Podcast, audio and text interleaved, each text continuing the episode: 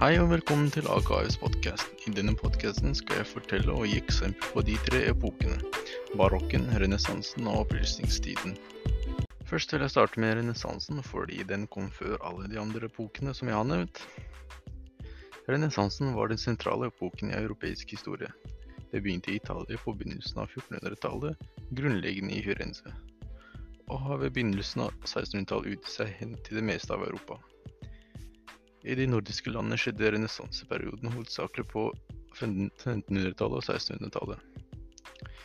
Renessansen er hentet fra italiensk og betyr gjenfødsel, eller å bli født på nytt. Renessansen var en ny interesse for gammel kultur, filosofi og kunst. En person ser på eldgamle tider med en beundring, men vil samtidig holde seg bort fra fortiden. Derfor kalles tiden for antikken til renessansen middelalderen. Mennesket er unikt blant levende skapninger, Mennesket kan styre sitt eget liv ut fra fornuft og kunnskap. Disse er idealer som er hentet fra antikken. Disse ble laget av kirken. Kirken hadde kontroll over andres frihet, og mennesket var bundet til plikter overfor fellesskap og Gud. Kirken var de eneste som kunne lese, og deres utgivelse var skrevet på latinsk. Bøker og skrifter var veldig dyrt, og det var derfor det var uvanlig å gå rundt med bøker.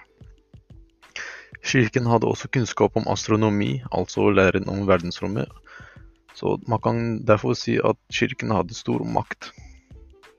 De tre gratier er et maleri av Rafaels tidligere arbeid. Rafael var en kunstner fra Italia og var en av høyrenessansens største kunstnere, sammen med verdensberømte Leonardo da Vinci, som malte Mona Lisa. Maleriet Mona Lisa er verdensberømt og ligger på nesten 900 millioner dollar. Leonardo da Vinci var en ingeniør og oppfinner. Han var en vitenskapsmann, og han fant nye oppdagelser om ingeniør- og arkitektvitenskap. Han satte bruk av nye metoder som lys, farger og perspektiv. Johan Gudenberg var mannen som oppfant boktrykkeren. Fordelen ved boktrykken var at man ikke trengte å skrive bøkene selv, og da kunne flere få tak i bøker. Dvs. Si at bøkene var billigere. Første boken som han printet, var uh, Bibelen. Nå går vi til barokken. Barokken er en epoke som regnes fra 1595 til 1750. Det startet i Italia og med Roma som det sentrale utgangspunkt. Barokken nådde etter hvert til resten av Europa. Den ankom Norge fra Danmark og Nederland i 1680-tiden, og varte helt til slutten av 1700-tallet. Det var epoken der Gud kom tilbake i bildet. Mennesker ble religiøse og underkastet av autoritetene. Store forandringer siden renessansens tankegang. Folk ble nysgjerrige på etterlivet og begynte å tenke på synder og tilgivelse fra Gud. Tanken på etterliv forandret mennesket, og frukt for Gud ble inntatt. Mye mer dekorasjoner og detaljer er også en forandring fra renessansen. I arkitektur ble fasader i flere plan, og noen deler hevet frem og andre deler trukket tilbake. De typiske trekkene ved barokkstil var maleri, skulptur, arkitektur, sensualitet, naturalisme, bruk av dynamiske midler, illusjonisme, sterk følelsesmessig innhold, scenedesign, utvidet rom, diagonal komposisjon, spenning, bruk av kontrast, lys, skyggeeffekter, Michelangelos scene, sceneverk var også et trekk som viser fram eh, barokkstilen. Vitenskapsmannen som er mest kjent innenfor barokk, er Isaac Newton, som står bak gravitasjonsprinsippet. Petter Dass var en stor salmedikter i Norge på 1600-tallet. Petter Dass brukte sterke virkemidler. Rim og klangeffekter, allergier og liknelser er sammen med fantasifulle oppramsinger kjennetegn på diktningen hans. Til slutt har vi opplysningstiden.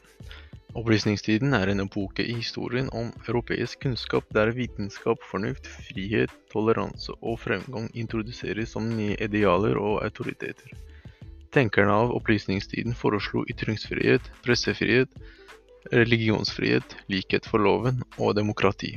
Det var også under opplysningstiden at begrepet menneskerettigheter dukket opp. De ideologiske egenskaper til denne perioden er at særlig religiøse doktriner og systemer har blitt stadig mer kritiske, mens vitenskap, personlig rasjonalitet, frihet, toleranse og fremgang settes inn som nye idealer og autoritet. I tillegg, skapte opplysningen et nytt rammeverk for kunnskapsutveksling og offentlig debatt. På den måten ble opplysningstiden definisjonen på modernitet inkludert sekularisering, individualisme, industrialisering og kapitalisme, massemedier og demokrati, og en annen sosial turbulens. I opplysningstiden så mennesket nok en gang bort fra Gud, og tenkte på naturen og hvordan den er gitt. Flere vitenskapsmenn forsket på naturen og omgivelsene rundt oss. Derfor ble fornuften viktig. Fornuften ble sett på som en kraft som kunne skjelne det sanne fra det usanne. Det som ble sett på som et av de viktigste som skjedde i opplysningstiden, var at kirken mistet all makt. Fordi folket hadde mistet troen på Gud. Desto mer kunnskap som ble funnet, jo mindre makt fikk kirken. Filosofene fant bestandig mer og mer kunnskap om naturen og samfunnet, menneskesinnet og moralen. Forfatter Ludvig Holberg var en folkeopplyser og en pedagog i Norge og Danmark. Han var født i Bergen i 1684. Hans bedømmelse kom fra komediene, vitenskapelige av avhandlinger, rim, fortellinger, brevene, essay og satir satirene. Komediene hans var ofte kalt karakterkomedier, hovedsakelig av hovedkarakteren, hovedkarakteren hadde en dårlig side som fører til konflikt, og da oppstår konflikter. Hovedpersonen må, måtte alltid lære av sine feil. I denne podkasten har jeg brukt Store norske leksikon. Store norske leksikon er uh, troverdig fordi de signerer alt sammen med forfatternavn. Alt som blir sagt, og hva som blir sagt, alt blir skrevet ned. Og så har jeg brukt prestasjonene fra uh, Teams som var gitt, gitt ut av læreren.